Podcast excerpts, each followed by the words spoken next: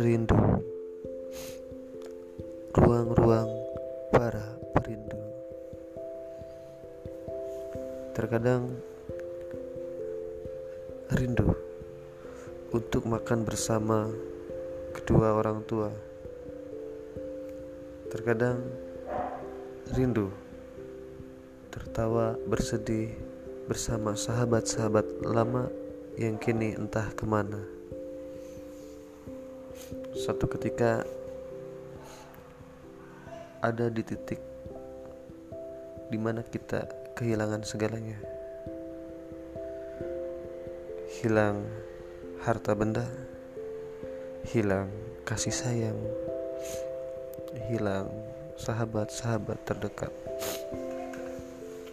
Di situ entah apa yang saya rasakan.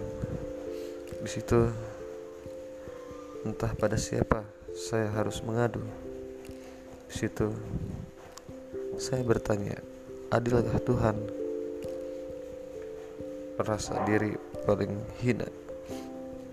Menjadi obrolan semua orang menjadi manusia yang terpojokan merasa diri tak berguna dan bingung untuk bangkit kembali. Mulut ke mulut tanpa menilai hanya bisa mendengar dan menyampaikan yang berita belum tentu benar. Di situ saya sendiri kehilangan semua, bahkan percaya diri ini. Tapi apa yang terjadi? Saya hanya punya satu keyakinan. Rindu.